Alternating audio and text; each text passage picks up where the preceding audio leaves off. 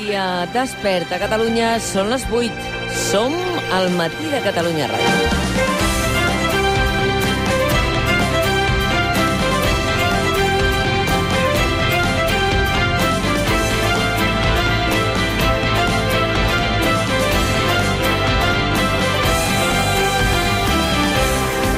Sí, ella va ser molts i molts anys dalt dels escenaris. La Cerdà. No, no vull venjança. Vull seguretat, exactament això. Seguretat. Ara que n'he sortit viva de miracle, no vull que em torni a passar. Seguretat. Només seguretat. Els veig a tot arreu. Al meu voltant, ara mateix, penjats del sostre. Què pot fer el diàleg si nosaltres fem servir el cap i ells les bombes? Sí, sí, sí. Nosaltres també organitzem incursions armades, però les incursions armades són per, per, per castigar, per, per, per prevenir, per seguretat. Per això, per, per seguretat. Un lloc ben estrany, aquest. On l'odi Aquí la sentiu, als un monòleg dirigit per Lluís Pasqual el 2015, crec en un sol Déu, un text colpidor, sobre l'angoixa, sobre el terror, sobre la desesperació de la vida a Gaza.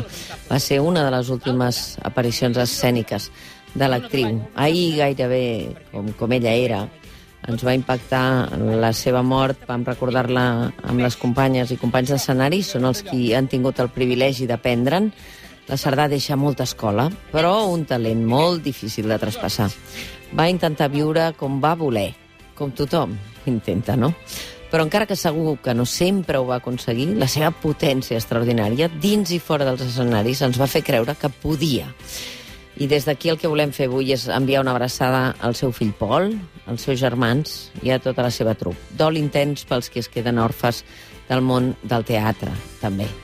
I aquest matí ens ve molt de gust enviar una abraçada al Carlos. És un cuiner que estava sense llar, que està sense llar encara, que ahir va rebre una proposta de feina de l'hostaleria després que formés part del reportatge que vam fer amb la Creu Roja. Recupereu la conversa amb el Carlos al web de Cat Ràdio i també el reportatge. Les conseqüències de la crisi de la Covid són devastadores.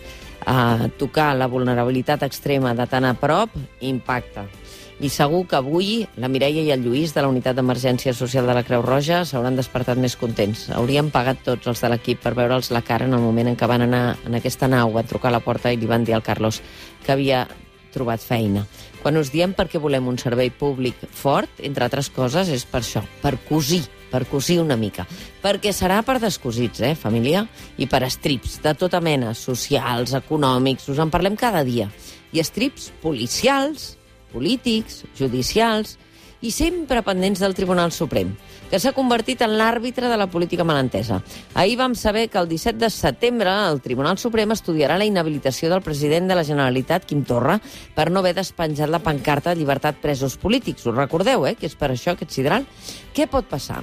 Doncs que el Suprem, a partir d'aquest 17 de setembre, resolgui ràpid, inhabilitin el president, el president Torra hagi de plegar perquè no hagi convocat eleccions encara, que no sembla pas que ho hagi de fer, que el Parlament no pugui investir un nou president i el Suprem hauria marcat el pas. Serien les segones eleccions que no es convoquen des de les nostres institucions, per entendre'ns.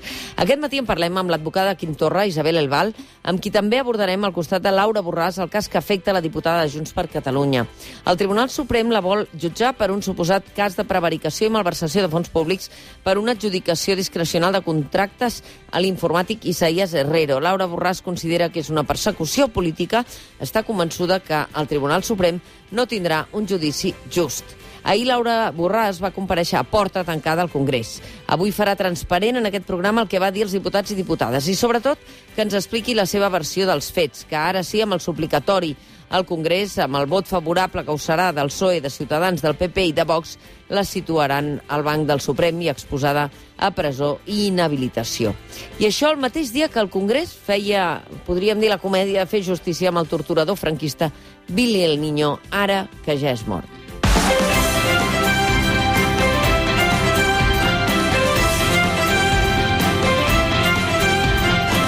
Des d'ara fins a la una som amb vosaltres perquè passi el que passi, volem que aquest sigui un bon dia.